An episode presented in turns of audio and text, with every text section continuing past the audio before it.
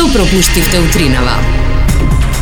А сега, е, како беше тој? Традиционално, петти ден во ред, е, современската прогноза од лице место, колешката Зорка. Благодарам, колега. Добро утро на сите кои што не слушаат. Се наоѓам е, точно пред микрофонот кај што ми е редовно поставен, но би сакала да ви дадам е, краток е, кус е приказ на тоа какво е времето. Надвор времето денес сончево и топло, топло како за 7 часот наутро и е, прекрасно со повремено по некое облаче кој што сега го забележувам. Толку значи од тоа дека ќе биде неубаво времето во текот на викендот, Ни- така? А не, викендот си стои дека ќе биде неубаво времето и дека температурите ќе паднат до 10 степени. Ќе те молам немој да е, даваш лажна надеж. Дефинитивно викендот ќе си поседиме дома, еве за утре се очекува врнежи, меѓутоа за недела се поправи е, прогнозата и вели дека ќе биде времето сончево, но температурата 12 степени, па повели излези шетај на 12 степени ако сакаш. Не фала, ќе настинам. Е, утринава доаѓам кон своето работно место колега и размислувам неодамна ја прочитав книгата Клубот е, 5 часот наутро како дел од книгите за самомотивација, самопотекнување, подобрување на личниот раст и развој и живот. Е, Некако си се заветив дека со текот на месеците ќе читам по една книга насочена кон не знам, маркетинг, бизнис и нешто така, нешто од кое што може да се научи и една книга за личен раст и развој. Права ти И? кажам, предходните два месеци тоа ми оди од рака одлично, наоѓам време, Браво, некако помалку Вака седам. многу читаше и студираше и на факултет кога одеше? А, како не, да. Па, Стручна литература Стручна, само, така? строго стручна литература. Списание во никој случај во рака немам фатано. Нема, нити ере па се тоа списание не, не, како не, не, не, не, списание. никако. Само стручни книги. И, И колега, ја прочитав книгата и се некако го одложувам тоа станување во 5 часот наутро кое што го опишува Робин Шарма, затоа што вели дека ќе најдете време за се. Извини да те прашам вака, ама наискрено сакам да ми Добра. одговориш. Дали Робин Шарма и сите други експерти кои што пропагираат будење во 5 саат за бајле, било каде во книгата даваат препорака кога треба да се легне навечер? Да. И што вика Робин Шарма? А, вели дека треба да легнеш помеѓу 9 и, и 11, заради тоа што кон 11 и нешто од прилика, телото баш го зема потребниот одмор. Тоа е нешто кое што го скокаме ние луѓето, а се случува некое убаво одмарање доколку легнеш пред 11 час. Така е, јас тука комплетно се согласувам со со Робин Шарма. Еве мене, Добра. јас сум пример, значи јас легнувам во 10. Јас се будам во 5 и пол 6 секое утро. Без без аларм, без било какви страни фактори кои што влијаат на прекинувањето на мојот сон. Е сега, сакаш да се разбудиш во 4 и пол? Ќе се Само мрдни го 9. Ба, дж- нормално, значи не ти треба некој гуру да ти го објасни тоа. Е, сега, темата ми оди до таму да размислам дека може би Робин Шарма и ликовите во неговата книга немаат деца, немаат оврски, не чекаат да заспие малото па да пушти машина, туку си легнува и си одмара, овеле. Дигресија. Зошто мораш да чекаш да заспие малото па да пуштиш машина? Зошто не може двете да работат паралелно? Ај дојди следниот пат и види што се случува додека да заспие малото. Му се пие вода, му се оди во А веќе. машината оди да му донесе вода, машина. Не, машината тропа не може да заспие. Па многу му е интересно да гледа како врти, па нема шанси да го тргнеш од пред машината. Си заборел. Многу давно ти имаат пораснато децата, си заборел. Не, не сум заборел. Јас ги растев децата во руските згради во Карпош. Добра. И таму тоалетот е далеку од спалните, така да воопшто не се слуша кога ќе затвориш. тоа не е така. Плюс имам и куќа која што исто така се радува на вртењето на машината, па оди вака и се нозете се обидува да влезе или да ископа. Не знам што му е емисијата, се надам дека нема ни да дознаеме што точно сака да направи. И сега јас така размислувајќи утринава, по некоја случајно станав 10 минути порано од просекот кога трчам за на работа. И не знаеше што да правиш со Не себе. знам што да правам со себе, да. И размислувам дека може би е време за македонската верзија на клубот 5 часот наутра, тоа е стани си 10 минути порано. Замисли колку работи ќе се променат ако 10 минути порано си од било што. 10 минути порано излезеш да возиш до работното место. 10 минути порано стигнеш на работното место, па имаш време да се напиеш и кафе, па имаш време да се видиш со колегите да направиш хајве. Кај си колега, добар. си. Ова оди во насока за миниси од работа 10 минути порано. Добро, ме влечеш за јазик. Сега не знам тука што да одговорам, меѓутоа ќе си дознаете не е дека јас пропагирам да си одите порано од работното место, меѓутоа 10 минути порано. Има да биде бестселер. Е, Има да се прославам така добро, никогаш во животот не сум се е, прославила. Значи 10 минути порано, ништо повеќе. Почитувани слушатели, аспиративен тед говорник, А мотивационен петок беше. мотивационен спикер, социјален гуру, медија и сега поново автор на книги ви ја представувам Зорица. Благодарам.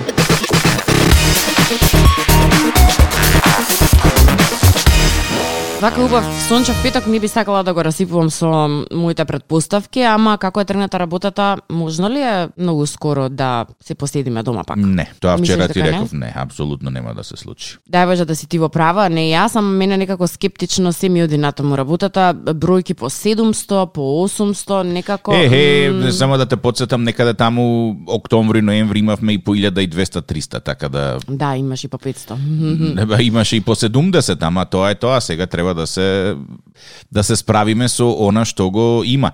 Најголем дел е, случаи се од Скопје. Највисока неделна инциденца е регистрирана во Неготино и Кавадарци. Ау. Процентот на позитивност се должи од 12 до 21,7, а има заболени во сите возрастни групи. Најзастапена е она за лица над 60 е, години. Мајка ми е, и татко ми отидоа во, во Крушево, избегаа од Скопје. Мајка ми вели, тука имаш два типа на, на луѓе. Еден тип се оние кои што не излегуваат од дома ни подразно, затоа што се плашат од пандемијата, а друг тип на луѓе се луѓе кои што се позитивно диагностицирани и кои што се рашетуваат по град затоа што не може да седат дома. И вели, најголемиот проблем настанува, и ова до некаде, Зорки, има логика. Е, поради тоа што кај нас луѓето се уште живеат во огромни заедници. Значи, А, е, во една куќа каде што има две генерации Па и три. И каде што живеат 10 лица, едно лице да се да се заболи, по правило сите се заболени, сите се да, затоа што ги делат истите, кујна Ете истите, така. дневна. Сите да, да, да, треба да го влезат, сите треба да влезат во е, изолација и во карантин. Меѓутоа тоа не е случај и тој еден кој што е позитивен седи во изолација, а овие другите девет кои што се дома со него немаат решение за изолација и нормално си рашетуваат и всушност тие се тие кои што ја пренесуваат е, заразата и можеби затоа во помалите места бројките така нагло рипаат. Во Скопје колку толку пак најголем број на лица живеат во станови од 40-50 квадрати и не се живее во толку големи заедници како во помалите места, така да чисто нешто што е типично за нашето поднебје, а не за другите поднебја, а може би ќе има влијание врз е, бројот на заразени во, во иднина. Па сигурно сум дека е така, со оглед на тоа што еве не оди подалеку, е, да се навратиме на мојот случај. Јас бев позитивна, асимптоматски со решение, додека сопругот не беше бидејќи беше тестиран и беше негативен, никогаш не му издадоа решение. Меѓутоа свеста и здравиот разум ти вика дека треба да поседиш дома 20 на дена за да видиш нели до каде како е работата, па така си седевме дома тој без решение, и јас со решение. Знаеш, на времето се знаеше, ќе се разболиш, настинка, грип, прехлада, што и год да е, и ќе ти каже, а пет дена да лежиш, седум дена да, да лежиш. И потоа како транзитиравме од социјализам во, во неокапитализам или што годи да е ова обштествено уредување во кое што живееме, некако трката по работа и пари го тргна настрана тоа кога си болен, одлежи 5 до 7 дена Леле. за да ти помине болеста. Мислам, кога текне знаеш кога последен пат имам одлежано два дена? Кога си ја шинав ногата, па бив приморана да, да одлежам, а не дека...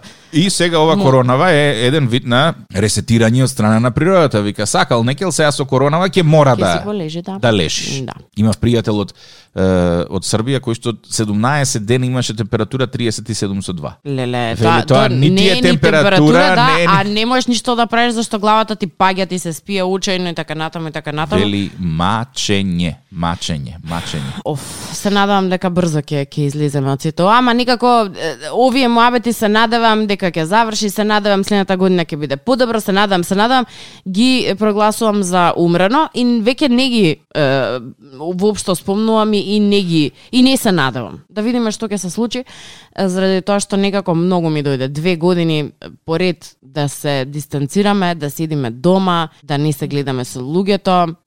Ману е, прави анализи, вери дека 50% од тестовите кои се анализирани се од британскиот сој и него најмногу го има во Прилеп, Кавадарци и Охриц, а од вчера потврдено е уште едно лице кое се вратило од е, Занзибар. О, Бритиш кавадарци. Да, Аха, и Бритиш Охрид. да.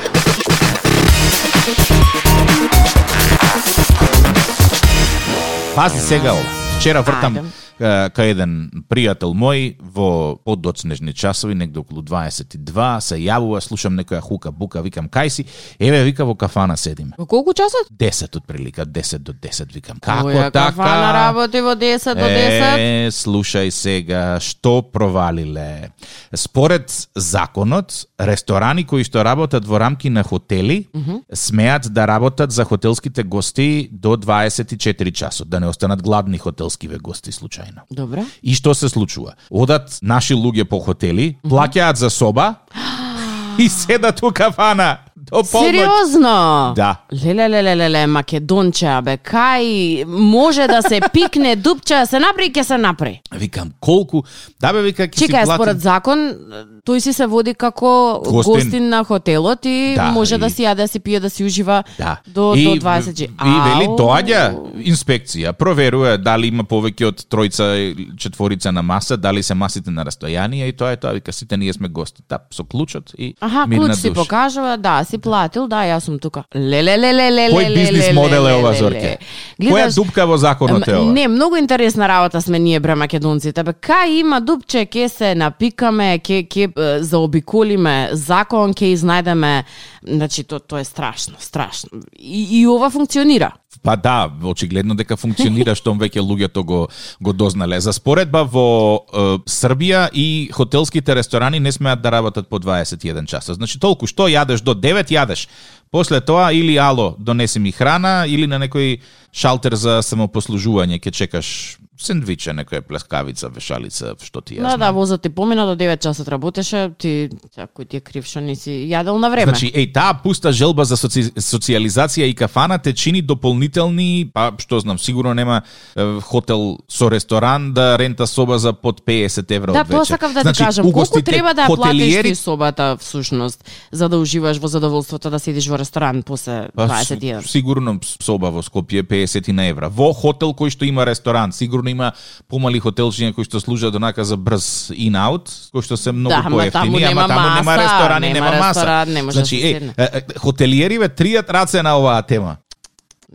А, а ние сме спремни да платиме 50 евра плюс само за да седиме у кафана. Мислам, коментарот ми беше вау. Да, ама веројатно и тие другите на маса. А, они сите како во една соба се се рачунаат. Аде трокреветна. И можат да си седат на иста маса. Да. Аха, леле, леле, леле, многу сме Thank you. Го пред приеска го почнавме муабетот за тоа како живеат луѓето во помалите градови. Во заедница, Рече да, да. рече дека по, дури некаде бројот се искачува и до 10. Па зависи колку живеат е, лица во Кај нас една чекај, куќа. колку ама- живееме ние во куќа? Е, Четворица и два шест и куќа седум. Добро, куќава не го рачунам, нема право на глас. Не, вие живеете во куќа. Јас знам 9 во 80 квадрати кои што живеат. Со среќа со тоа. Да, во, во Е, помаливе јас места. знам и за 45.000 кои што живеат на иста адреса. Па и кај колку? 45.000, не 45 души, 45.000 живеат Ау, Зорке, ова ова го побива примерот со улица Максим Горкија на која што Ау, беа да. регистрирани гласачите од Пустец. да, Таму о. имаше колку стотина. Стотина имаше, овие се 45.000. Каде? И тоа го пренесува uh, Дојче Веле на македонски uh, според информација на бугарската новинска агенција БГНЕС. Инаку uh, 45.000 македонци кои што поседуваат бугарски пасош се евидентирани дека живеат на иста адреса. Како тоа? Избирачкиот список на Средец, најнаселениот район во Бугарија, има 1000 страници со запишани 45 е, 752 бугарски државјани кои што не се од Бугарија. Меѓутоа најголем дел од нив се од Македонија. Па тоа е 5% од македонското население. Пази сите, пак збориме за некој прекршок и пак македонци се во прашање. Многу интересно. И како успеале на иста адреса да завршат? Е, сега ќе ти кажам, значи фамозната адреса каде што живеат сите македонци е, со бугарски пасош се е, вика улица Леге број 6. Не знам што има толку тоа е, тоа е, специјално во значи, Леге улица број 6. Леге број 6 е бугарската верзија на Максим Горкија број кој да Ќе ме беше. засркнеш за кафева. Па да, да, да.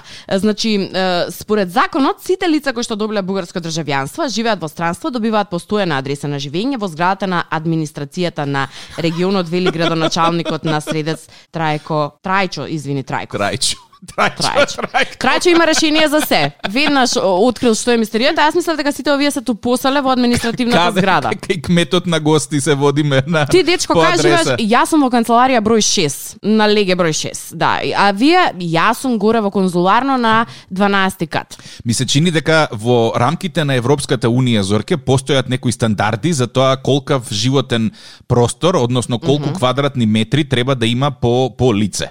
Така да А зборувавме мислам- и за совршениот брак. Мислам дека ова е, идеален момент некој да прати допис до до Европската комисија и да провери дали на вистина во Бугарија се кршат тие човекови права затоа што е, по колку квадратни метри тоа би било. Тик так, не оди подалеку. Замисли кој рете за во веце.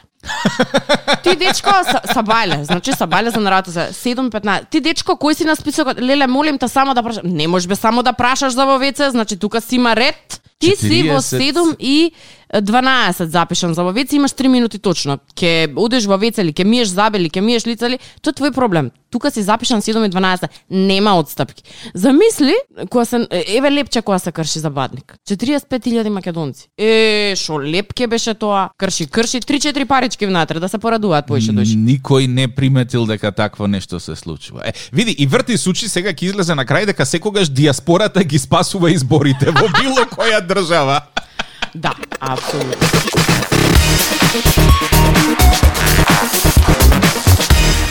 Здравје при работа. Прави елаборати, животна средина. Уф, Здравје при работа. да, да. Види, ба, мене ме радува што во Македонија постојат фирми што се занимаваат со здравје при работа, затоа што тоа е битен фактор во човековиот добробит. Ама, да, голема градежна фирма е. Ало, Ало, Игор, добро утро. добро утро. Како си? Добро добро. На работа терен. си или? На терен сме паланка. А, да, да, ми кажаа дека можно е да си во паланка утринава. Браво, од рано рано сте почнале. Види, е, А, да. начув дека работиш со здравје при работа, друже. Па зар останаа ли фирми во Македонија кои што се грижат за здравјето на вработените? Оф, оли мајка, па сега има нешто, да. Добро е, добро е. Да. Чувајте се. Ние сме добро, еве, работиме од Сабајле, право да ти кажам, со нетрпение очекувам да заврши неделава, па викендов да го поминам Да. у некоја земја кај што можам слободно онака у кафана кој човек да се прошетам. Е, ако да, да. На да. вистинското место си. мене, мене здравје при работа, никој не ми праја лаборати овде, остаен сум на сам себе. На милост и немилост. Шат пад, вика, стај маска подалеку од зорка, немојте да, да, да гледате еден од друг кога зборите, ама не се прави така шоу, што да ти кажам. Е, да, да, да, да, така. Среќен ти роден ден. А, фала, фала, фала. Честиткава ти е од е, другар ти Димса. А, фала ви, фала. И се разбира Тик-так и Зорка од Радио 2. Фала многу, фала Повели многу. Зорки. Јас треба да честитам. Да си здрав и жив, среќен, весел. Сите желби да ти се исполнат, да се пазиш со маска, да се дружиш и е, никако, како беше тоа, никако дување свеќа директно во Тортата, тортата. Со да. фен. Да. Ковидно, Фала да. Нема проблем. Имај прекрасен ден, се слушаме наредна година, Игор. Фала ви, исто и имате убав ден. Чао, чао. Е, сега, ова со, со Игор ме подсети на едно време кога работе во странство. Знаеш што е првото нешто кое што го правиш? Заштита при Состанок. работа. Да, состанок, заштита при работа. Што смееш, што не смееш да правиш и потоа, за да продолжиш да си ја вршиш твојата дејност, имаш едно чудо, сертификати кои што ти мораш е, да ги поминаш, односно да ги добиеш, а тие се во вид на, е, на часови поминати пред некој видео кој што ти викаат. Ако твојот колега не се чувствува добро, прашај го како можеш да му помогнеш. Ако има температура, дре, дре. А јас, на пример, овде кај нас такво нешто немам видено. Часови и часови имам поминато пред компјутер и гледајќи ги тие видеа, после имаш и прашалник. Што си научил од видеото? Дали смееш? Дали ако колегата насмејано дојде и ти каже здраво смееш да го одминеш и така натаму и така натаму. А кај нас тоа нешто изгледа вака. Доаѓаш на нова работно место, седнуваш, го гледаш трпе. Трпе, денес, ако дое исчешлан на десно, никако не му се обреке. Ако дое исчешлан, може да го прашаш некоја услуга ти направи. утре. Или ситуација мене и тебе. Зорка, ако дојде денес Lion King фризура, не и се обраќаш. Немала време да се среди. Најчесто е тоа така. Да. Например, кај тебе влегувам од старт, значи влегувам И знаеш како сум спиел, како сум знам, станал. значи те гледам со саатчето, ау, вчера не сум спиел ни 7 сат, и си имам два-три пати разбудено. Бев до фрижидер еднаш. И знам дека тука завршува сите... Секоја надеж дека денес ќе имаме насмеано е, утро. Е, тоа ти е здравје при работа, драги мои. Од прилика некако вака звучи.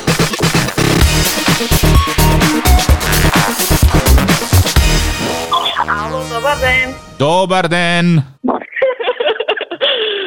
Ние се волиме од Гевгелија. Моментално ве слушаме на радио. Шо убаво. Шо прави ту Да, Гевгелија? да. Топло е таму, мириса ли на море? Супер.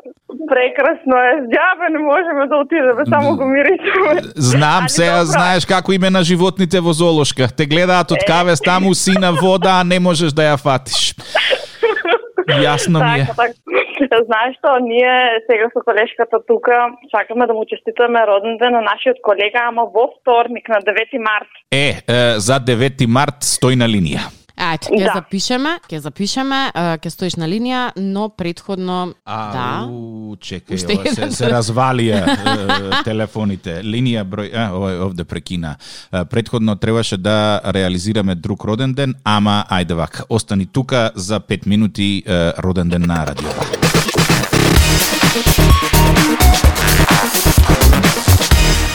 Роден ден број 2 за денеска. А, Господјата има роден ден утре, ама со оглед на тоа што денеска е петок, имаме простор, ќе ја бараме Анет. А, А, почитувани. Вака ич не сакам кога ќе се Благодарам почитувани, ама знаеш дека во петок секогаш ни се случува некој да не е достапен или да не ни Да. креваат. Петок ни е како не знам малер ден. Да, да, да, да, да.